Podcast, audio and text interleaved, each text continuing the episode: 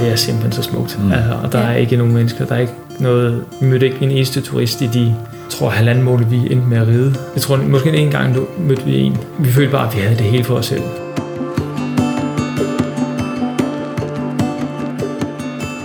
Her hørte du Jesper fra Sorø kort fortælle om nogle af de fantastiske oplevelser, ham og kæresten Aya havde, da de tog tre måneder til Kirgisistan i Centralasien. De vil væk fra andre mennesker og ud i naturen og have det helt for sig selv. Og det fik de i Kirgisistan. De købte en hest hver og en hund og drog i bjergene. Det blev en oplevelse for livet, men også en rejse, der bød på en masse udfordringer. Fordi hvordan lever man ligesom nomaderne har gjort i hundredvis af år i landet, når man ikke har adgang til internet, og der ikke lige er en nabo, man kan spørge. Landet er nemlig ret øde. Det skal vi høre mere om i dag, hvor turen går til Kirgisistan.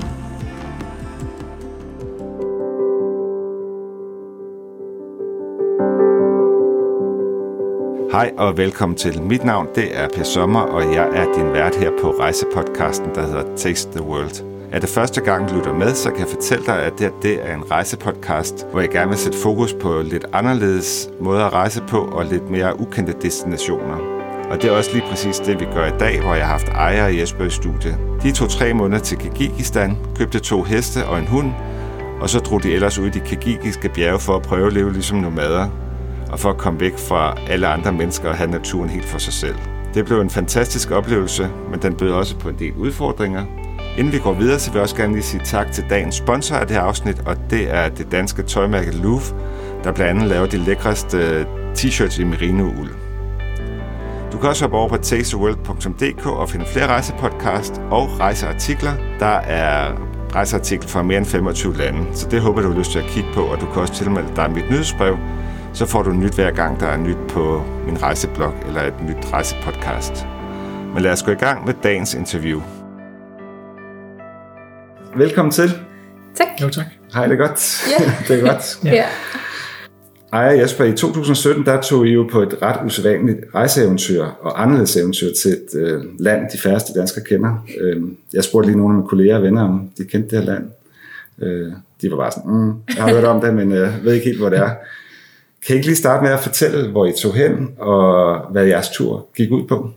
Jo, jamen vi tog til Kirgisistan, et relativt lille centralasiatisk land, øh, stadig noget større end Danmark, som ligger ja, midt i Centralasien, for at leve som nomader ude i bjergene, og være langt væk fra alting, og, og få en, en fed og afsides naturoplevelse, sådan lige i grove træk. Ja, vi havde ikke selv hørt om, om landet sådan rigtig før vi, øh, vi gik i gang med at undersøge lidt. Øhm, det var meget tilfældigheder, der bragte os til Kirgisistan. Men selvfølgelig i processen om at planlægge det, så fandt vi ud af flere og flere ting undervejs. Vi har jo lige mødt hinanden øh, for første gang, talt telefon sammen og skrevet sammen. Mm. Lytterne har ikke mødt jer før. Kan I ikke sådan lige kort fortælle, hvem I er? Vil du starte, Jesper? Jo, det kan jeg. Jamen, øh, jeg er 36 år. Jeg har efterhånden øh, rejst en del, siden jeg var 20 år, øh, på de både kortere og, og længere ture. Øh, 6, 7, 8 gange efterhånden. Ja, så mødte jeg Aya øh, for fem år siden, og vi startede på studie sammen. Og vi kunne godt se, at vi begge to øh, havde udlængsel og kedede os på studiet. Mm. Så et halvt år efter, så, så tog vi ud at rejse Ja. øh, til Kirgisistan her. ja. Øh, ja, Ja, og nu er vi her. ja. Og hvad er det for nogle øh, typer rejser, I typisk tager på? Det er typisk vandre, der har været sådan, det der har præget, det har været naturen, der har præget mm. øh, at komme ud og med rygsæk. Øh, Ingen storbyferie og charterrejser eller noget? øh, nej, lidt. Mm. På vores tur afsted her var jeg også i Oman i 14 dage, mm. Hvor det faktisk var bilferie i 14 dage. Øh, Okay. okay. Så der fik vi lidt af det, man ikke skulle slide sig selv Ja, ja, ja. op hver dag. Øh, så lidt mere luksus. Det vil jeg godt høre mere om, for jeg, det er faktisk en af mine store drømme at komme til Oman. Jeg har Ja. ja. faktisk siddet og kigget på det. Ja. Øh, netop også sådan en roadtrip. Øh, Ja, det, det- må vi tale om en anden gang. Ja. vi skal jo tale om øh, Kirgi- Kirgisistan, nu skal jeg huske at sige det rigtigt. Kirgisistan og Kirgisistan øh, i dag. Men inden vi starter med det, kan I ikke fortælle om, hvad var det, I drømte om, inden I valgte at tage afsted på den her tur her? Vi vil gerne være lang tid væk, og vi vil gerne være selvforsynende, i den forstand, at vi ikke ville være afhængige af landsbyer og øh, altså mennesker, varer, trafik og sådan noget. Øh, altså der, der måtte gerne gå langt imellem mm. de besøg. Øh. Og så lidt ved et tilfælde sad vi og så en film om en kvinde, der, øh, der vandrede øh, gennem Australien med nogle kameler. Og så tænkte vi, det er det, vi gør. vi, vi, vi skal have nogle kameler, øh, for de kunne bære en masse oppakning. Og så sad vi øh, og tænkte, men det var måske også sådan lige voldsomt nok, at ingen af os kender til kameler. Og så, øh, jeg har haft heste altid. Så tænkte vi, så gør vi det med hest. Og så, så tænkte vi, hvor har man heste? Og så lynhurtigt, lynhurtigt fik vi sporet ind på Mongoliet, hvor de lever som heste nomader også. Eller i hvert fald har gjort rigtig meget. Og vi sporede os lidt ind på Kirgisistan, og så var det noget så simpelt som visumreglerne til Kirgisistan, der var mere øh, favorable. Og så landede vi der. Og så gik der en masse research der ikke, på ja. Ja. Øhm, men det var det her med at være langt væk fra alting. Og som Jesper sagde, han har vandret rigtig meget. Jeg har ikke vandret så meget før jeg mødte Jesper. Men vi var begge to klar over den her udfordring i at kunne være selvforsynende i lang nok tid, i forhold til at have oppakning med. Og det store spørgsmål, var der noget internet? Øh, altså, da vi var undervejs? Nej. uh. ja, vi var okay. helt off the grid. Det er øh, så de grundlæggende man, behov. ja. Hvis man løb op på nogle af, toppene, så kunne man få et, et telefonsignal. Godt. Uh, lige for at præcisere lidt, kan I ikke uh, fortælle mig og lytterne, hvor, hvor landet ligger henne? Vi har et kort liggende foran og ser, at det kan være i... Det kan lytterne selvfølgelig ikke se, men, uh, men fortæl lige lidt om landet, hvor vi er henne i verden. Jo, jamen Kirgisistan ligger som sagt i Centralasien, og ligger sådan øh, i det lidt østlige ende af, af Centralasien, klemt ind med en masse bjerge, hvor Tianjin bjergkæden, den går sådan i den, det sydlige del af landet. Så landet er utrolig sådan bjergrigt øh, land, hvor gennemsnitshøjden er vist nok en 1700-1800 meter. Så det minder meget om Tibet med store plateauer, meget store åbne dale ja, landet er altså forholdsvis lille i forhold til, hvad der ligger omkring med Kina og Kazakhstan. Mm. Øh, men er stadig de der 5-6 gange større end Danmark. Og så vidt jeg husker, bor der 4-5 millioner mennesker. Okay. Øh, så det er sådan rimelig tyndt befolket? Det er tyndt befolket, ja, ja. og de er, befolkningen er koncentreret om, om enkelte byer. Der vil nok sige, at 80 procent af landet bor der ikke nogen mennesker. Okay. Er det ikke rigtigt, det er den gamle sovjetstat, ikke også? Det er en ja. gammel sovjetstat, ja. Ja, de der standlande der. Ja. ja. Og den eneste af, af de sådan gamle standlande, som er sådan lidt vestligt orienteret. Og det var også grund til, at vi tog der til. De vil meget gerne have turister der til, for de har ikke noget råvarer eller noget, mm. øh, så de tjener på turister. Så derfor, når man kommer der til, får man to måneders gratis visum. Det koster 1.500 kroner i flybillet til en enkelt vej fra Danmark af. Øh, så det er utroligt billigt at komme der til. Hvor de andre lande, der er, det er lidt mere omstændigt. Og du siger 1.500, er det, altså, hvordan kommer man der ned? Vi fløj til Istanbul. Man kan også flyve over Moskva. Mm. Øhm, og så, det kunne man. ja, ja, det kunne man, ja. ja, ja. stod nok ikke. og så videre til Bishkek, okay. som er hovedstaden. Ja. Vi oplevede det ikke som, øh, som sådan besværligt eller øh, omstændigt eller noget. Nej, altså, nej. Men I sad derhjemme, og så havde I den her drøm om at komme ud i naturen helt for jer selv, øh, og så på grund af visum, og ja, det var lettere at komme dertil. Mm. Men hvad, hvad gjorde I ellers af overvejelser, inden I tog afsted? Har, har I haft et job, I skulle sige op, eller et studie? Eller hvad? Vi læste på Odense Universitet, og det droppede vi ud af, og vi havde vel også nogle studiejobs. Ja, det må vi have haft jo. Tjene nogle penge. det var det for strengt. ja. Øh, det meste af tiden. Vi, vi brugte det, det sidste af studietiden på at planlægge den her tur, og, og sådan deltage sporadisk i ja. vores studie. Ikke? Og så, så droppede vi ud og, og tog afsted, og det meste af planlæg, planlægningen gik på at altså udstyr, hvad var smarteste. Øh, hvad, vi skulle ikke tænke så meget på vægt, øh, fordi vi vidste godt, at vi skulle have heste til at bære det. Øh, så det var mere sådan, hvad, hvad, hvad kan vi bruge i lang tid? Hvad giver os nok komfort til, vi kan være der ude i rigtig lang tid? Og hvad, hvad er praktisk og mm. nødvendigt at have med? Vi har selvfølgelig alt for meget med, som altid, ikke? så ender man med at sortere en masse fra. Men vi, vi havde svært ved at planlægge noget om selve turen, for det er rigtig svært at få information om det det tog vi meget undervejs, da vi ankom. Øhm, vi fik først kort over landet, da vi ankom. Det havde I ikke inden, eller? Nej, okay. altså kun hvad man kan finde på Google Maps, og sådan, mm. øh, men sådan reelle papirskort, øh, hvor vi kunne sidde og planlægge en rute og se øh, altså, højdekurver og så videre. Det fik vi først, da vi kom dertil. Det var i sig selv også ret besværligt faktisk. men det lykkedes til sådan nogle gamle sovjetiske kort. Dem er sådan de er rimelig retvisende stadigvæk. Ja. Der er ikke så meget, der ændrer sig. Men på russisk eller hvad? ja, okay. ja, på russisk. Og det kan I ikke tale eller nej, læse? Nej, det, det kan Så- vi ikke. Vi, vi fangede et par gloser op, da vi Okay. var der, men ellers så... Men Ja. ja. altså man kan sige, vi vi blev gode til at aflæse kortene. Øh, Det, det kommer med tiden også, man lærer at aflæse terrænet, og, og sådan match det med kortene, så danner man så nogle erfaringer og billeder af, så, når man, så kan vi også forvente det her. Når kortet viser det her, så er det egentlig sådan her i virkeligheden. Ja, Så det kom sådan meget løbende. Vi havde heller ikke en rute planlagt hjemmefra.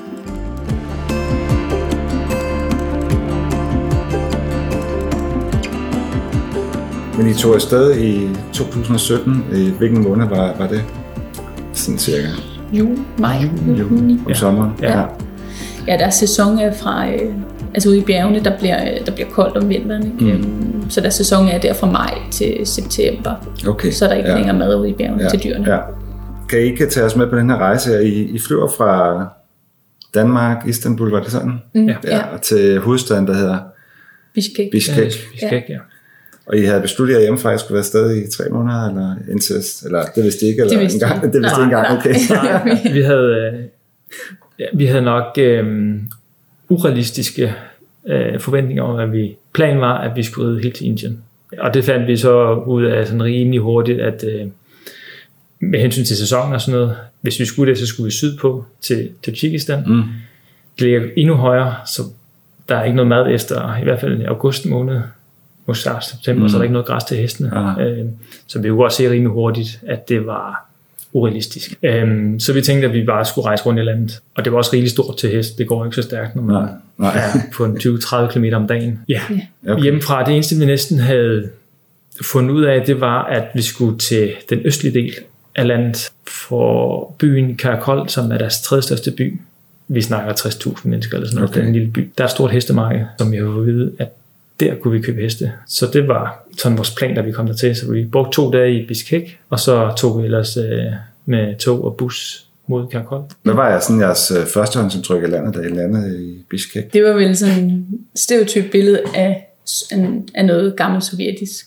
Men det har vokset på os, også fordi vi har været der flere gange, men øh, det, det er faktisk ret smukt. Altså når du siger noget typisk sovjet, så Altså, jeg tænker beton sådan Ja, noget, eller hvad? ja store betonklodser af bygninger, øh, lige, altså alting sådan meget symmetrisk, okay. lige rækker af, af bygninger, parker, mm. alléer, alt sådan noget, helt mm. sådan snorlige symmetrisk. Rimelig rent øh, i, i forhold til affald og sådan noget, ikke, ikke i forhold til snavs. Altså det er ikke fordi, de render og øh, altså spuler fortogene, Ja. men øh, altså, der ligger ikke affald og snavs mm. og sådan noget. Altså var det jo bare kaotisk, som det er i en stor by, mm. øh, når man lige lander. Men øh, altså, jeg synes, vi fandt rimelig hurtigt ud af at få navigeret rundt og, og sådan finde frem til det, vi nu skulle. Og der er mange områder af, af, Bishkek, som altså, det er vel sådan i de fleste store byer opdelt meget i, i rige kvarterer og i fattige kvarterer. Ikke? Mm. Og hvert sted bærer jo præg af deres der velstand. der, ja. ja, klart. ja. Vi vil gerne ud derfra. Og ja. hvad, så derfra altså, tog jeg over til Karakol, som jeg også kan se på kortet, ligger jo ja, nærmest mest østlige del af landet, Ja. ja. op mod Ja. Kazakhstan næsten. Ja. Og der tog jeg så et tog og bus, og, Ja. Ja, og det er en lang tur, eller hvad? frygtelig, frygtelig lang tur. Frygtelig lang tur. øh, der er den eneste togstrækning i landet, det er fra Bishkek og så til ud Nej. til Isikul-søen, som er cirka halvvejs. Og så stopper skinnerne der, og det er et gammelt, gammelt, gammelt tog, som kører, jeg tror, vi var nede og køre en 30-40 km i timen hele vejen. så det sidder hurtigt som en hest, eller hvad? Ja, ja præcis. Og der er... Kirgisistan er jo, selvom det ligger højt, så har det kontin- kontinentalt klima. Det er meget koldt om vinteren. Ja. Ja. Vi snakker minus 40. Det er også meget varmt om sommeren. Mm. Øh, inden man kommer højt op. Øh, så vi sad og stigt i toget i de der, jeg tror det tog 6 timer Ja, måske. det var lang tid. Og derfra så tog vi så en bus videre, som var så yderligere 4-5 timer. Og der, er- hvad er det for noget landskab, man kører igennem der? Det er vel sådan, øh, det er jo man kan sige, noget af det laveste i landet, ikke? så man, har, øh, man kommer hurtigt til at se Yshikul, den store mm. sø, og så er det sådan åbne vider, men med en hovedvej langs togskinnerne faktisk hele vejen, og så kan man se bjerge i horisonten hele vejen stort set. Ja. De der, altså bjergkæderne, de, de ligger jo sådan på langs af landet, så dem kan man hele tiden følge. Jeg har set nogle billeder, det er ikke som om, der er sådan skov og sådan noget, det er sådan et slettelandskab, eller hvad? Ja. Det er det. De har haft problemer med tidligere, at de har fældet al skov for at bruge det som brænde, når de lever i sommerhalvåret som seminomader, så har de fælles skovene, mm. øh, for at simpelthen bruge træet som, mm. som varme. Og de har erstattet det med især kolort, de tørre, og så bruger de det som brændsel i stedet. Ja, ja. Der er ikke mange træer eller buske tilbage. Nej, nej. øh, Nej. men til gengæld er der græs over det hele, når man kommer ud i bjergene. For der er, der er smeltevandsfloder alle steder. Det bliver meget frodigt og grønt derude. Og det er selvfølgelig også derfor, de i sommerhalvåret fra ja, maj, juni måned, tager alle deres dyr, og så flytter ud, og så bor de et sted ude midt i bjergene, og så græsser dyrene derude indtil september måned. Og det kører eller får alt. Ja, køer, får, heste, jak, okser, geder. Der er utrolig mange dyr i landet. De har noget med, især deres heste, dem har de med at sende ud i, sådan, altså i flokke, mm. uden at de er i nærheden. Øh, De sender dem bare op i bjergene, og så passer de dem sig selv, hesten, i tre måneder. Mm. Så de er i princippet vilde heste, som bare lever rundt i tre måneder, og så når der kommer til september måned, så henter de dem hjem igen. Okay, så ja. bruger de et par dage på at finde dem, og så hyrer de dem hjem igen. Det, hvad bruger de, de? Altså, spiser de dem, eller hvad gør de med de heste? Ja, de, de slagter dem, og så, øh, så bruger de dem som, som øh, transportmiddel, øh, avler på dem, og så har de en, en stor tradition for at lave noget, de kalder kummus, som er sådan noget fermenteret hestemælk. Mm. Og det er en stor ting også i Kazakhstan. Så alle hopper, altså alle pigeheste, de bliver brugt til det. De bliver malket, og- Ja, og for følge også, så kan man, man malke dem. Og alle hængsene, det er så rideheste. De har en, en idé om, at man ikke rider på hopperne. Også, altså for os, at vi var der skulle købe heste, vi ville jo gerne have valakker eller hopper. For her i, i Vesten har man en idé om, at hængste er sådan lidt besværlige. Men det er umuligt at fremstøve en hoppe, der kan rides på. De er ikke reddet til. De bruger dem bare sådan som Ja. afstyr. Vi fortsætter snakken med Ejer og Jesper, så vil jeg gerne lige fortælle dig lidt om det danske tøjmærke Louvre, stadig L-O-O-W, eller Wool bagfra. De har nemlig sponsoreret det her afsnit af Taste the World. Louvre det er et dansk tøjfirma, som producerer de lækreste t-shirts i merinoul. Kvaliteten er og komforten er i top, og så er det helt oplagt at have med at rejse. Og det kan måske lyde lidt underligt at have en t-shirt i uld, men de krasser ikke, og så er stoffet ikke tykkere end en almindelig t-shirt. Jeg er typen, der sveder meget i varmen og på vandreture, men merinoul de har en høj fordampningsevne. Og det køler kroppen, fordi sveden transporteres væk fra kroppen. Faktisk kan merinoul absorbere op til 30% af sin vægt uden at føles våd. Det betyder blandt andet, at tøj ikke føles klamt eller klistrer mod huden. Og så kommer loose t-shirts heller ikke til at lugte, fordi uld er nemlig selvrensende, så hvis du hænger dine t-shirts ud, efter du har brugt dem, så forsvinder lugten også, og det betyder, at du ikke behøver at vaske dit tøj særlig ofte. Når jeg rejser, så har jeg maks 3 t-shirts med for Louvre, og det gør, at jeg kan rejse meget lettere, og så behøver jeg nemlig heller ikke at vaske så tit. Men hvis du hopper over på loop.com, så har de øh, en særlig tilbud til dig, der lytter med. For lige nu der kan du nemlig få 15% på din første ordre. Det eneste, du skal gøre, det er at indtaste øh, gavekoden Taste the World, og det skal stå i et ord. Når du tjekker ud og skal til at betale, så får du automatisk 15% på din første ordre. Og hvis du ikke er tilfreds med deres varer, ja, så kan du gratis returnere dem inden for 30 dage. Skal jeg det der kumuk være smager det godt, eller hvad? Jeg vil sige, det er en af de ting, som er værre, end man forestiller sig. Okay, værre? Ja. Okay. øhm, ikke nok med det fermenterede mælk, og det kan lyde sådan lidt, hmm, det er også varmt. Ja. Og det ligger i sådan en, en sæk ude i deres shirts, og der kan det jo ligge i flere dage, og nu snakker vi plus 25 grader udenfor. Der er jo ikke ligefrem køleskab.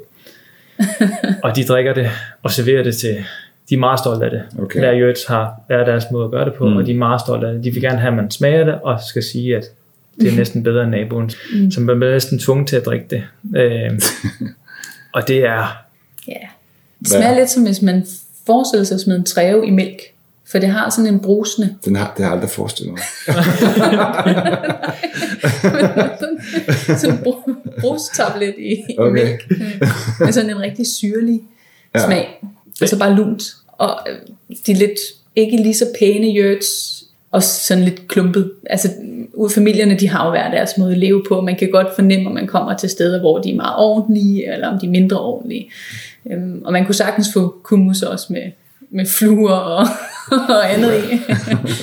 Men de er meget stolte af det. Man kan få det i alle supermarkeder Ja, ja, ja. ja. også, og kiosker. Og, Og man kan ikke undgå det, Nej. hvis man er på selv. nej, okay. det kan man ikke. Nej, det er da også en oplevelse. og smage. Ja, det er det. Altså, Så det kan godt have et stykke tyggegummi i baglommen. Ja. De siger at sådan, at det tager en 3-4 gange på maven, ligesom vender sig til det. Okay, altså man får også dårlig mave, eller? Ja, man får dårlig mave, Okay. hvis man spiser drikker Okay. for meget af det. Man sipper lidt for at være høflig og siger, mm, og så Godt, vi tilbage til jeres tur. I tog toget fra Bishkek og så til Karakol, som var den egentlig næststørste by. Tredje Tredje største, største by. ja. Og det I skulle der, det var, at I skulle, I skulle simpelthen have nogle heste. ja, der Og hvad, hvad, er, hvad gør man, hvordan køber man en hest i Kirgisistan? jamen, de har et dyrmarked hver uge, som starter tidligt tidligt om morgenen før solopgang, øhm, og så kører det sådan til hen ad formiddagen, og så efter formiddag, så er alt væk. Så har man enten fået solgt sin kvæg og sin hest, eller så har man taget dem hjem igen. Og så møder folk op, er sådan lidt ligesom en, en dyreskueplads i Danmark, bare med kaos. Altså om det så er hopper med følge og hængste og rideheste, slagteheste osv. Det hele står ligesom sammen, og så går man rundt og finder øh, en hest, man, eller ko, eller hvad det nu kunne være, man synes er, er interessant, og så, så laver man en handel. Og hestene, de bliver jo prøveredet, hvis det er rideheste. Så der er også mange, der rider rundt blandt rækkerne der af tøjrede dyr. En prøvekørsel. Ja, det, de, de har ikke konceptet sådan om, om ridebaner og sådan Ah, noget, okay. som man er vant til i Danmark. Så, øh, så det er sådan et stort kaos. Øh, Så er det også samme sted, de køber hø og foder, og de får smedet dem med altså hestesko. Og vi, vi tog der til, vi fik en lokal mand, der, der kunne snakke engelsk, som har sådan et lille firma, hvor han tager turister ud til hest. Øhm, ham øh, spurgte vi, om han ville, ville hjælpe os. Så han tog med og, og snakkede lidt med dem, og um, han var smadret sød og fandt nogle, nogle gode heste. Han synes også, det var meget vigtigt, at vi fik valakker, altså kastreret hængste. Mm. Så det var et stort fokuspunkt for ham, mere end om det var en god hest. Og hvorfor var det vigtigt? de, de er nemmere hængste, de Okay. kan godt blive vilde, og de slås med andre hængste. Mm. De kan være svære til at gå i en flok. Nu er jeg selv gammel hestepige, så jeg ved også, jeg tænkte også, at vi skal ikke have en hængst. Altså det der med at kastrere, det er jo ikke noget, de gør. Så vi endte med en valak, to valakker og en hængst. Vi startede faktisk med at have tre heste. Øhm, men den ene valak, den var for svag og for...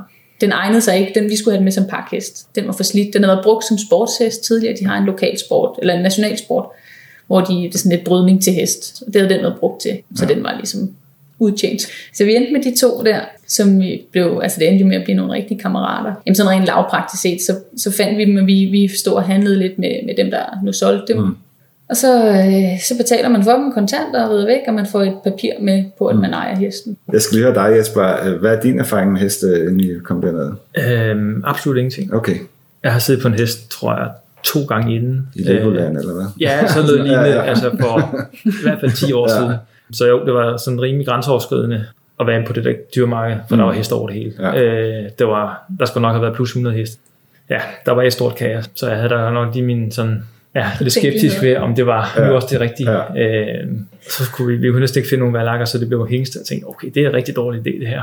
Men som jeg sagde, at det gik ikke lang tid før, mm. man øh, altså, virkelig bliver knyttet til dem, for man er jo sammen med dem fra morgen til aften.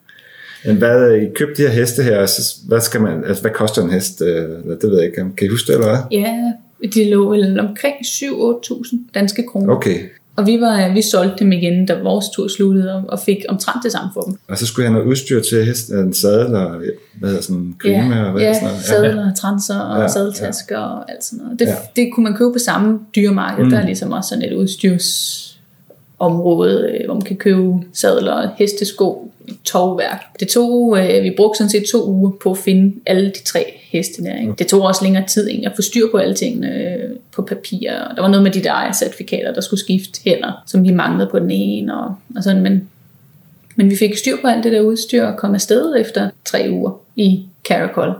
Så det er ikke sådan noget, man bare lige gør. Nej, det var en proces. Ja. Ja, hestene skulle lige have, de blev utrolig tynde om vinteren. De skulle lige have de sidste par uger, fik vi at vide. Så de blev lidt tykkere, så ellers Ja. ville de få for mange knævsover af udstyr og sådan ting. Så vi gav dem lige et par uger ekstra, hvor de kunne spise Ja. lidt tykke. Og det kunne vi tydeligt se, at de blev, der kom noget på. Kan man have en hest med på hotel, eller hvad gør man sådan lige?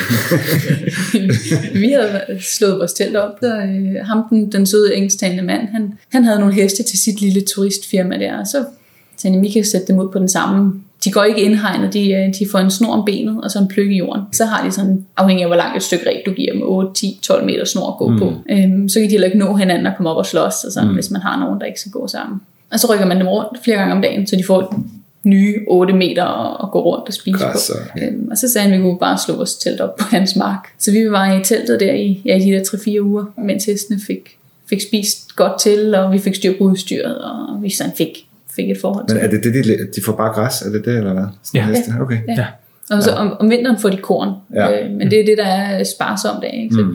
så derfor så er alle deres dyr har det hårdt om vinteren. Øh, Mm. Men det er jo dyr, de bruger, som de lever af, så de, øh, de behandler dem altså så godt, som man overhovedet kan med de forhold, de har. Øh, De er bestemt ikke sådan, nu både Jesper er store dyrelskere. Det er ikke sådan, at vi øh, tænker, uha, det er synd for dem. Altså, de, de lever under samme standarder, som menneskerne gør. Ikke? Kirgisistan. der er det entaget for et land, tænker du måske, og med rette? For der er ikke mange danskere, der kender til dette naturskønne land i Centralasien. Den tidligere Sovjetrepublik, der ligger helt over ved grænsen til Kina, er nok det mest åbne af de såkaldte standlande, der både består af Kazakhstan, Tajikistan, Uzbekistan og Turkmenistan. Landet er cirka fire gange så stort som Danmark og har blot et indbyggertal på omkring 6,6 millioner. Så der er meget plads og forholdsvis få mennesker. Og det giver dig mulighed for, som turist, at opleve landets storslåede natur næsten helt alene. Landets historie kan føres tilbage til omkring 200 før vores tidsregning, og i det 12. århundrede der blev islam den dominerende religion, hvilket den også er i dag. Men i modsætning til andre lande i området, så praktiseres der en mere afslappet form for islam i landet. I 1918 der blev landet en del af det sovjetiske imperie, som varede frem til 1991, hvor landet så blev uafhængigt. Den russiske indflydelse ses dog stadigvæk tydeligt i landet, og russisk sprog er den dag i dag et officielt sprog på linje med kirgisisk. Rejser du til landet, så får du gratis og smertefrit et visum i lufthavnen. Den bedste tid at besøge landet på er fra maj til slutningen af september. Det kan være rimelig barsk at besøge landet om vinteren, hvor også mange hoteller og restauranter er lukket ned.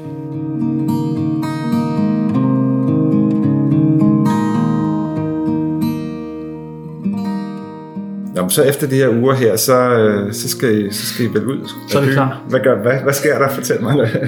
Jamen, øh, vi starter jo med at sige, at øh, vi havde lavet en prøvetur på altså en enkelt dagstur ude for lige at teste udstyr af. Og der tabte vi vores GoPro-kamera, og den ene hest løb væk med vores soveposer.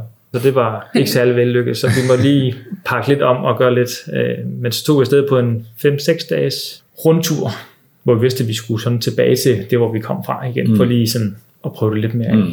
Og det var utrolig hårdt. Så alt pakkecirkuset og få pakke hestene, sådan så at vægten var lige og sådan ting. Det tog utrolig mange timer. Det tog vel tre timer de første par gange Ja, hver øh, morgen. om morgenen. Og det lyder så nemt, og det tog bare. altså nu, vi, Ja, hvor vi- svært kan det være? ja, og vi tænkte flere gange, at vi skulle have haft de der kameler, så man kunne lære dem at ligge sådan ned, ikke? Ja, ja. så man kunne lægge alt udstyret på dem. Men, Men det når var, vi først kom afsted, så gik det rigtig nemt. Mm. Og hestene er jo, de er jo selvfølgelig født i landskabet, øh, og det skal man også stå for, at de kan begå sig på Mm. stejle skråninger, om der er løs grus. De går virkelig utrolig sikkert. Også selvom vi var oppe i, vi kom vel næsten op i 35-3800 meter efter to-tre dage. ja, så vi gik bare ud på den der testtur der, og kom tilbage til Caracol efter fem dage. Der havde vi undervejs tænkt, det her, det dur ikke. Det, det kan vi lige så godt bare droppe det hele. Og det var i forbindelse med hele det der pakke show hver morgen. Jeg tænkte, nu, vi dropper, vi, den nær, næste, der vil købe hestene, det gør vi bare. Og så må vi gå hjem med vores ting.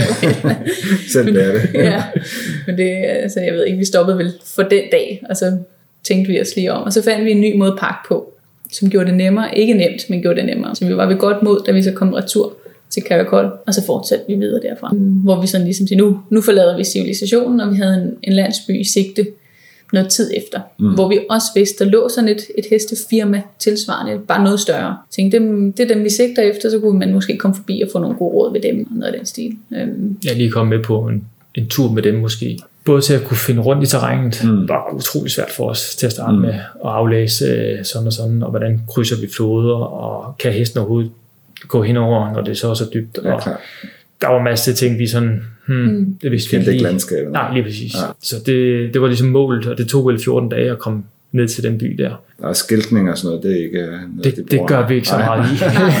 det er, Men, Det- men vi kunne godt kommunikere med de lokale. Og netop sige et landsbynavn, og så peger de jo. Der er ingen stier, eller... Der var et problem, når vi var i de små landsbyer. Mm. Mm. Når vi lige skulle ind og tanke op, eller bare komme bredt igennem, mm. så var det svært at finde ud igen. Når man var ude i landskabet, var det okay, for man kunne det er åben dale, så man kan sådan se, hvor man sådan nogenlunde skal hen. Ja, Ja, sådan. ja. Men inden i lige kunne f- finde ud af landsbyerne var nok det, der var Ja, sværest. det er faktisk det sværeste. Okay. Ja. Ja. Men vi man begyndte at risikerede at havne, på vej ud af landsbyen risikerer man at havne i den forkerte dal, hvis man ligesom kommer lidt på den forkerte side af byen. Og så, har man, så skal man til at krydse et bjergpas for at komme om i den rigtige side. Det var det sværeste. Øhm, Ja, fordi kortene var fra, jeg tror de er fra 84. Og det er jo ligesom, landsbyerne er ikke der, hvor der er sådan, er, der er ikke nogen referencepunkter. Sådan. Vi har reddet i hvert fald meget forkert og frem og tilbage. Men de lokale var, de er utrolig gæstfri i landet. Så de var ofte sådan hoppe op på hesten, og så hjalp de os ligesom ud af byen, og så pegede de i den retning her. Men I brugte ikke kompas. Nej, vi havde det med, men det var faktisk ikke Hvordan bruger man det? men, det var, Ja, men det var det der ude i bjergene, der er det nemt nok kan se en retning. Ikke? Så man skal ned for enden af dalen, eller hen over Ja, det ja. bjerg, eller noget af den stil. Det var det der i, i landsbyerne, hvor der, der er en skillevej, og man tænker højre eller venstre. Men hvad, hvad var jeres sådan endelige mål? Vidste I, hvor I ville slutte hen på den her tur? Øh, Vi havde øh, en retning mod en bjergsø, øh, sø, øh, Songkul, som ligger i 3000 meter, tror jeg. Og det, er cirka, det ligger cirka midt i landet. Så der var vel en cirka 500 km derhen til. Op og ned ad bjerge. Øh, det var sådan, det var det, vi havde i tankerne. Men vi skulle først forbi den her landsby og lige få lidt hjælp først. Øh, så det var første mål. Og så det, det lange ja. mål var så... Og den fandt I den by, så det lykkedes Ja. det, det, det lykkedes, ja. Ja. ja. Og, fik hjælp, og I fik også hjælp. Ja, ja. utrolig flinke og hjælpsomme, og vi fandt ud af, at os to så kom her fra Danmark og ikke rigtig vidste noget om den måde at leve på. Vi fandt ud af, at det var meget simple ting, som gør, at det er utrolig nemt. At det var meget vigtigt, at hestene fik det rigtige mad, eller de fik mad nok. Vi havde problemer med, at de stak af om aftenen. Og sådan. Det fandt vi så ud af blandt andet, at de skulle sørge for, at de havde med god græs. De havde den her pløk om benet, men en hest på, på 700 kilo kunne sagtens hive sådan en op. Så sådan nogle små Det var alle, de små, små fif, altså også til hvad vi selv skulle spise, for at det ikke bare blev kogt ris hver dag, og hvor mange, altså hvor, hvor dybe og, og strømfyldte floderne egentlig godt kunne være, uden at vi skulle være bange for at sende mm. hestene ud i dem, um, få mad og brød af de lokale ude i bjergene, alle de der ting, som mm. vi tænkte til at starte med, det gør man nok ikke, eller det kan man ikke, eller her kan hesten ikke begå, så det fandt vi hurtigt ud af. Det kunne de godt, og det kan man godt. Men så er der også en form for en, en dagsrutine i forhold til, hvornår det er smart at starte dagen, og hvornår mm. det er smart at slutte dagen. Øhm, Og det er jo meget individuelt, men alligevel, de lokale har gjort det i så mange tusind år. Mm. De gør det af en grund. Så at følge deres rutine, det var en ret god øh, investering. Og det hjalp os virkelig godt på vej. Vi var ellers rimelig, sådan rimelig udfordret, inden vi ramte den by der, vi tænkte, åh, det er jo noget af et projekt. Men da vi var ude med, med ham guiden, der havde vi tænkt, vi, det kan være, at vi stopper efter, vi har været ude med ham. Nu tager vi lige den, sådan, den sidste bid af kagen, og så slutter vi. Og så kiggede mig og Jesper på hinanden. Jeg tror, det var to dage før, vi sluttede med ham guiden. En dag, vi redde ned igennem en dal, så kiggede vi på hinanden. Og var sådan, vi, vi var godt klar over, at det var slut om to dage. Og helt uden at sige noget til hinanden, var vi helt indforstået med, det er ikke slut. Vi fortsætter. Nu havde vi virkelig fået, fået blod på tanden, og fundet ud af, at det godt kunne lade sig gøre. Ja, så det det var givet rigtig godt ud. vi redde ned igennem nogle af de der dale, og det er simpelthen så smukt. Mm. Altså, og der Ja. er ikke nogen mennesker, der er ikke noget, vi mødte ikke en eneste turist i de, tror halvanden måned, vi endte med at ride. Jeg tror, måske en gang du mødte vi en. Vi følte bare, at vi havde det hele for os selv. Ingen biler, der larmede. Ingen og- biler. Nej. Og alt det besværlige havde vi som fået ordnet. Altså, vi havde fået styr på hestene og fået Ja. udstyr. Og, så Fundet en skulle, rutine. Ja, Mm. mm. så vi tænkte ligesom, at vi var bestemt ikke færdige, ja. eller mættet af Ja. det. Øhm, vi havde i mellemtiden også fået anskaffet os en hund. Lidt tilfældigt, men endte faktisk også med at være praktiske årsager til at beskytte øh, hestene, især om natten. For jeg tror næsten uden undtagelse, at vi hver nat blev vækket af andre hesteflokke, som ligesom kom til vores øh, heste, og så var det ligesom om, at øh, hængstene, de skulle lige... Øh, Det skaber Heste. noget, tumult, altså noget tumult, Ja, okay. det der med, med at de Altså blander vilde sig. heste, der- ja, ja. ja.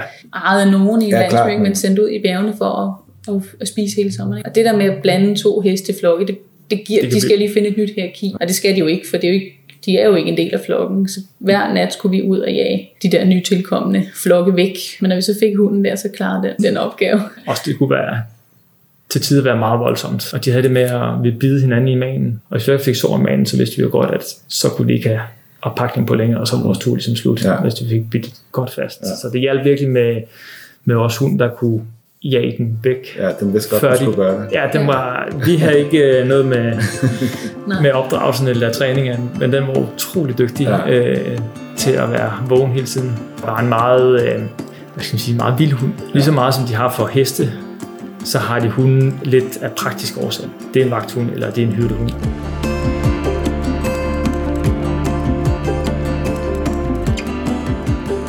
så derover mod vest. Mm. Kan I ikke sådan fortælle, hvad, hvad er sådan en typisk dag? Altså hver morgen, vi startede vel, altså hver morgen omkring klokken 7, halv syv, syv vågnede vi. øh, Det var inden det blev varmt i teltet. Der går noget tid, før solen kommer op over bjergene. Det er alligevel ret højt, altså høje bjerge, nogle af de højeste bjerge ud over Himalaya. Mm. Så der går noget tid, før solen kommer frem. Men det er også, det var helt bevidst, for det, er, det bliver ulideligt at stå stille i varmen og pakke hestene. Så vi fandt hurtigt ud af, at det var rigtig smart at være oppe og i gang, inden det blev rigtig mm. varmt. Og så startede vi vel hver dag med lidt morgenmad øh, og få flyttet hestene. Det gjorde vi, det var sådan ligesom det primære, det var at få flyttet hestene til nyt græs hele tiden og give dem nyt vand.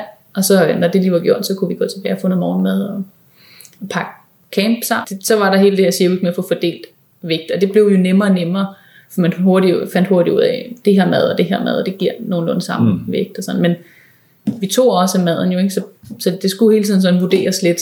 Så skulle hestene øh, altså sådan fanges eller øh, ind og skulle striles og sadles op, og, og så skulle taskerne på. Og det, det lyder virkelig ikke meget, når man sidder her og fortæller det, men det tog virkelig bare. Jeg kan se et billede af det, er jo ikke ret store tasker. Nej, nej, men det tog Man kan gå ind på bare, hjemmesiden og se det. det tog virkelig, det tog timer. Mm. Øhm, og så fik man pakket den ene og, og stillet den jo så lidt hen og skulle have fat på den anden, og så lagde den, den første hest sig ned, så alle taskerne var blevet skæve, så kunne man starte forfra. det var lidt sådan et cirkus. Det var sådan en protest. Eller Ja, ja. Okay. ja. øhm, og så, så gik vi afsted øh, det første stykke tid, af første tur, vi var der på der, der, øh, der red vi en del, øh, men begyndte at vandre mere og mere. Det bliver meget inaktivt at sidde mm. hele dag på en hest. Til dels ukomfortabelt også. Mm. Øh, så vi begyndte at vandre mere og mere. Til sidst så blev det faktisk tit sådan, at vi vandrede hele, hele dagen før frokost, og så red vi de sidste par timer, inden vi slog camp. Og Så hvor mange timer om dagen var I sådan på farten? Jamen, Det var vi vel fra en 9-10 stykker om formiddagen til en... Vi sigtede efter en 5-6 tiden om, om aftenen. Det blev ofte senere, fordi Ja. man ikke fandt et campsite, der var Okay. passende for hestene. Mm. Vi havde sådan okay lang frokostpause. På i hvert fald en time. Både for hestene kunne få noget at spise, Ja. ja. men også at vi lige kunne komme af og, og blev utrolig øm i røven. Okay, På trods af, at vi havde forskin i sadlerne, og øh, man Ja. bliver sgu lidt øm. Så Også lige at kunne sove lidt. Man bliver utrolig træt, for man mm. føler virkelig, at man er på, øh, fra man står op om morgenen. Også nogle gange om natten, men også, altså, Rigeligt med frisk luft. ja, det er, man er, man er, man er godt indendørs træt. Ja. Øh, Men vi havde sådan en frokostpause midt på dagen, øhm, som vi havde sørget for at pakke nemt tilgængeligt, øh, så ikke vi skulle, vi pakkede ikke hestene ud til frokost. Og så øh, videre om eftermiddagen, en aften, fandt vi et campsite, og så handlede det om at få pakket hestene ud og få dem sådan vandet og fodret og finde et godt sted til dem. Og hvis de var meget søde og våde, så skulle vi lige sådan få dem tørret lidt igennem med nogle uld, uldskind, vi havde med. Og, og så skulle vi sætte camp, slå telt op. Sådan en helt almindelig gængs rutine, ikke? med ligge underlag, sovepose og pakke maden ud og begynde at lave mad. Og... Det er jo ikke campingplads, vi taler om her, vel? Nej, nej, det er bare, det er bare øh, et sted, hvor der er nogenlunde plant, ruller eller for meget ind i teltet, og så ellers Og man kan campere overalt, Ja, ja. selv op overalt. Ja. Og de, hvis man er forbi de her yurts, som de lokale bor i, de fleste vil rigtig gerne have, at man var tæt mm. på, og de var meget nysgerrige på os, og de ville rigtig gerne hjælpe os i mad og te og brød mm. og sådan. Og der var tit, hvor vi selv siger, at vi, vi vil faktisk gerne selv lidt længere væk. Vi gider ikke at høre på deres skøne hunde hele natten. Eller. så man finder sådan ud af at sige, at nu, nu er klokken ved at være der, hvor vi skal, vi skal afsted, hvis vi skal langt nok væk fra, at vi, altså, så vi kan få fred i aften. For det der med at ligge sådan nogle 100 meter fra deres yurt, så har man børn og hunde rendende hele aftenen, ja. som vil kigge ind i teltet og være med. Og, og, sådan. og det er også hyggeligt nok. Det er, det er også hårdt. Så vi slog bare op der, hvor vi nu engang kunne. Det var bestemt heller ikke hver dag, vi fandt yurts. man er utrolig privi- privilegeret med hensyn til at finde camp. Ja. Det er Ja. utrolig flotte steder, man kan, mm. man kan få helt for sig selv, og ikke se nogen, eller møde nogen, der kommer mod en. Nogle gange kunne der lige komme en, en hyrde med alle hans får, og Okay. tusind får kørende forbi. Ja. Og så timer, kvarter senere, så var de væk igen. Ja. Det var måske det eneste, så den dag. Og ellers var det bare vilde dyr, vi så ja, hver dag. Og Det var sådan en helt bjergskålen, der var helt hvid, der bare får, eller mm-hmm.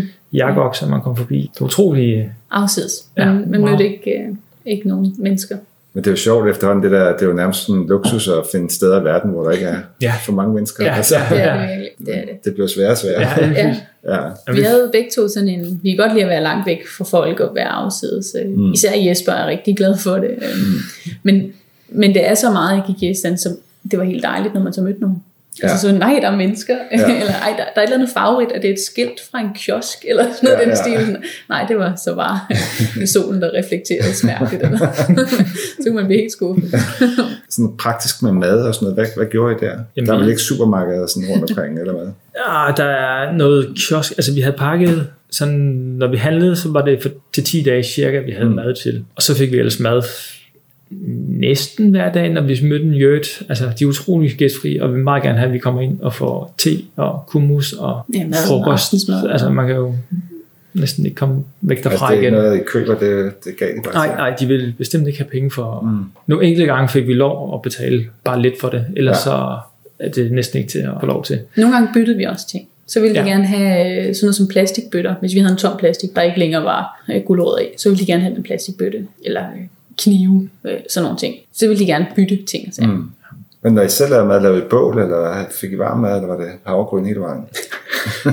Til start med, der, der var det meget det her med hav, havregrød lavet på, på vand og, ja og ris kogt med, med bouillonvand. Men så var vi ude med ham guiden der, mm. og så lærte vi at lave god mad på, altså på brænder. Vi mm. lavede ikke bål, der er ikke noget brænd, altså der er ikke noget træ eller noget, så man kunne ikke, vi havde en forestilling om, at vi kunne lave bål, men det kunne vi ikke. Så det hele blev lavet på brænder, øhm, men også rigeligt tilstrækkeligt. Men, og vi endte med at få, få fundet nogle gode retter, man kunne lave. Når vi havde handlet, så havde vi måske friske grøntsager til 5-6 dage, afhængig af hvad det lige var. Altså gulerødder holder længere end peberfrugt. Mm. Så vi havde sådan rimelig friske råvarer Ja, vi lærte lidt, hvorfor nogle råvarer vi skulle have med. Altså, mm. vi kunne have hård ost og hård ja. pølse, eller sådan mm. noget. Ja. Og hvad med bad og toilet? Hvad, hvad gør man der? Jeg er nok mere ja, det... sådan sart end Jesper i forhold til med at komme i bad. Er det både serveret hele vejen? Eller? der flod overalt. Kom i bad. Vask sig, ikke? Altså en, en kold omgang. Og så vi skulle have vand hver dag til mm. hestene, så det gav helt sig selv. Du kunne godt vaske os på den måde, og toiletbesøg er jo bare et hul i jorden. Ja, ja. bag den nærmeste sten, man kan finde. Men floderne, de er kolde. Det er smeltevand. Vi kommer i hvert fald ikke over 5 grader. Du er frisk af det. Ja, det gør ja, man. Ja. Og kunne også drikke det vand? Jo, det, ja. det, det kunne vi i princippet sagtens. Særligt, hvis vi går højt op. Der er jo det der, hvis der er dyr, øh, der går over græsser og, og skider, og ikke mindst, de falder om og dør i, i vandet, så kommer mm. noget virus og noget. Der var en enkelt gang, hvor de lokale viste, at de, de bare drak. De ved helt præcis, om der går ikke dyr længere op.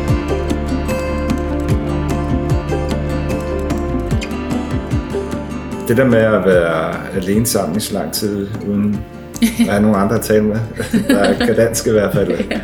Men hvordan er det som et par at rejse på den måde? Jamen det er, det er utroligt udfordrende, og mm. samtidig helt fantastisk. Mm. Vi havde jo fundet hinanden et halvt år inden, så vi var stadig øh, meget nyforelskede her. Det var ligesom vores test, og det blev også sat på prøve, og vi var, var presset. Men samtidig også, altså Ejer har jo reddet øh, på heste det meste af hendes liv. Og jeg har vandret rigtig meget, så vi kan ligesom supplere hinanden mm. virkelig mm. godt. Så når der var et eller andet, så, så gjorde jeg det her, og mm. ligesom tog teten der, og hvis der var noget med hestene, så var der ejer, der ligesom gjorde noget. Så vi supplerede hinanden virkelig godt. Ja. Men vi havde det også, altså tit, hvor vi red hver for sig, altså i 200 meter mellem os, hvor vi ja. havde brug for ligesom at være selv med. Men der var det altså, undervejs var der gange, hvor man tænkte, det her det dur ikke, og, mm. man, og man skændtes, og man var uvenner, og tænkte, jeg tager afsted for mig selv, og det her må stoppe. Og sådan, så jeg tror som alle andre, når man er, bliver lidt presset, og der er ikke andre, der lader det gå ud over end hinanden. Det lyder meget intensivt også, det der med, at I, ja. altså tit hjælper det også bare, at det kommer ud og tale nogle andre mennesker. Ja, ja det gør det nemlig, ja. og, det, og det kunne man ikke. Altså det, det var da en, en prøvelse, men som virkelig lærte, lærte os meget om os selv, om hinanden, og netop det her med at sige, men det må, vi må lade det gå ud over noget andet ja. end hinanden, og der er ikke andre mennesker at tale med, så må man ride hver for sig, mm. eller vi må lige øh, bare acceptere, at vi snakker ikke sammen før i morgen tidlig. Og så hjælper det også, når man skal have hinandens hjælp. Ja. så jeg vil gerne ikke være mere sur, fordi nu skal jeg faktisk bruge din hjælp til ja. noget. ja. ja. Man kommer tæt på hinanden. Det, altså jeres tur her lyder jo helt fantastisk. Er det noget, andre kopiere det her, tænker I, eller skal man være sådan en særlig støbning for... Altså man skal være til det her med, med sådan simple, mm. basic living, øh, naturoplevelser mm. osv. Og der er de her sådan enkelte turistfirmaer, som udnytter den her form for trækplaster, som det er, at de stadig lever som nomader. Mm. Så man kan komme ud til hest på guided tur, alt lige fra en dags tur til 10, 15, 20 dages tur med guides og, og altså horsemen, som de kalder dem, som tager sig af mm. hestene, og der er folk med, som laver mad til folk og sætter teltcampsene op hver dag og sådan noget. Sådan nogle ture er sådan rimelig tilgængelige. Så der er nogle lidt lettere løsninger i? Ja, altså at gøre det sådan, som vi har gjort, der skal man i hvert fald have et kendskab til heste, mm. og man skal have et relativt kendskab til at, at være i naturen, og, Ja. og altså det her med at være afhængig af, af, hvad man nu har undervejs, og tilpasse de udfordringer, og, som naturen tit byder på, ikke? med Ja. vejr og vind, og høje bjergpas og varme dale og alt sådan noget. Mm. Det skal man sådan lige have prøvet måske. Men man kan sagtens få den der storslåede naturoplevelse med altså turistfirma dernede. Der er virkelig ikke særlig mange turister. Jeg fortalte min kollega om det her i dag, at jeg skulle snakke med jer, og så sagde hun, hvad skete der med hestene? Kunne de godt skille sig af med dem igen? ja. Hva- Hvordan, øh, hvordan slutter det her eventyr her? Og hvad skete der med hestene og hunden? ja. Og, ja. Og Vi vidste godt allerede, at vi- vi ville komme tilbage igen året mm. efter, øhm, for vi var ikke færdige. Og hestene, vi kom tilbage til, til, til det nummer to hestefirma, vi, vi ligesom red til. Og de ville rigtig gerne købe med os og have dem i deres flok som, som turisthest. Det kunne ikke have været bedre for os, øh, når vi nu skulle af med dem i forhold til, at de, de passede rigtig godt på dem. Vi havde en lille forhåbning om, at vi måske kunne købe dem, når vi kom året efter. Det kunne vi så ikke, fordi de var blevet glade for dem, så de Nå, ville ikke okay. købe dem. Nå. Men vi, vi kom ned til dem og så dem igen, og Ja. så, hvordan de, de trives i flokken. Ja. Men det var en hård afsked, eller hvad? Ja, øh, det var næsten... Ja, bedste det var, venner. ja, det var bestemt. Øh, Ja. Det var værre med hunden. Vi vidste jo, at vi skulle ned igen, og mm. vi kunne godt se, at det var noget, noget bøvl at få den hjem. Mm. Og vi tænkte også, at det var måske ikke noget for den. For den, det var ikke en vild hund længere for os. Den var meget, meget lojal over. Så vi tænkte, den fik de også at passe. Så til vi kom der mm. Og- 7-8 måneder efter igen. For der var efterhånden gået nogle måneder. Så den beholdt de også at passe godt på. Da vi så kommer anden år, viste det sig, at den var blevet gravid og skulle have valpe. fødte to dage før vi tog afsted. Ja, Ja, det var Altså, meningen, at jeg havde ja. haft med til Danmark. Okay. Ja. Og inden vi tog ud i bjergene mm. anden år. andet år, der fødte den så kulvalpe, og vi kunne ikke tage den med fra mm. dem. Så, så planen blev ligesom, når vi så kommer tilbage igen om nogle måneder, så, så er valpene blevet store, og vi kan tage moderhunden med mm. os til Danmark. Men så var den øh, løbet ud efter os, da vi redde væk og forladt sin valpe, og fandt ikke os, og vi vidste jo ikke, den var rendt efter os. Øhm, så den mistede vi så på den måde. Den forsvandt simpelthen? Ja. Nå, Og ej. valpene, de var rigtig søde, familien der, som, som stod for firmaet. De, de flaskede alle valpene op og taget sig af dem, men, men morhunden der, den øh, forsvandt desværre. Det Den havde en, også øh, fået en... Øh, Hvor trist. ja, Ja, det er virkelig sådan en, en, Nå. en, lidt en, ja, en Ja. ja. sort sky over Ja. ja. vores, vores eventyr. Ja. Øhm, men ja, men hestene, de, de Ja, havnede et rigtig dejligt sted. Ja, og vi, kom Vi skal til at slutte. Det er næsten ikke til at ud og slutte med det, men Nej, jeg vil bare gerne sige tak, fordi I Mm. gad at snakke med mig og dele den her fantastiske historie. det var en fornøjelse. Jeg har vil vildt gerne til Kyrgyzstan og nogle af de andre lande der også, øh, så Mm. Ja, det er bestemt et besøg værd. jeg får endnu mere lyst. Ja. Så tak fordi I kom. Selv tak. Så når vi til vejs ende om det her fantastiske eventyr om Kirgisistan og Aya og Jespers oplevelser. Jeg håber, du fandt det inspirerende og måske fik blod på tanden til at besøge det her spændende og ukendte land i Centralasien. Det gjorde jeg i hvert fald. En stor tak til Aya og Jesper, fordi de stillede op og delte deres oplevelser, men også en stor tak til dagens sponsor, Louvre. Husk, du kan få 15% på din første ordre, hvis du indtaster Taste the World i rabatkodefeltet inde på deres hjemmeside, og det skal stå i et ord, Taste the World. Du kan også springe over på tastetheworld.dk. Her kan du blandt andet læse en artikel, der hedder 10 ting, du skal vide, inden du tager til Kirgisistan, som jeg har skrevet med Aya og Jesper. Og så kan du selvfølgelig fælde en bunke rejseartikel fra resten af verden, samt podcast også selvfølgelig. Men jeg vil slutte af for nu, og jeg håber, vi lyttes ved en anden gang.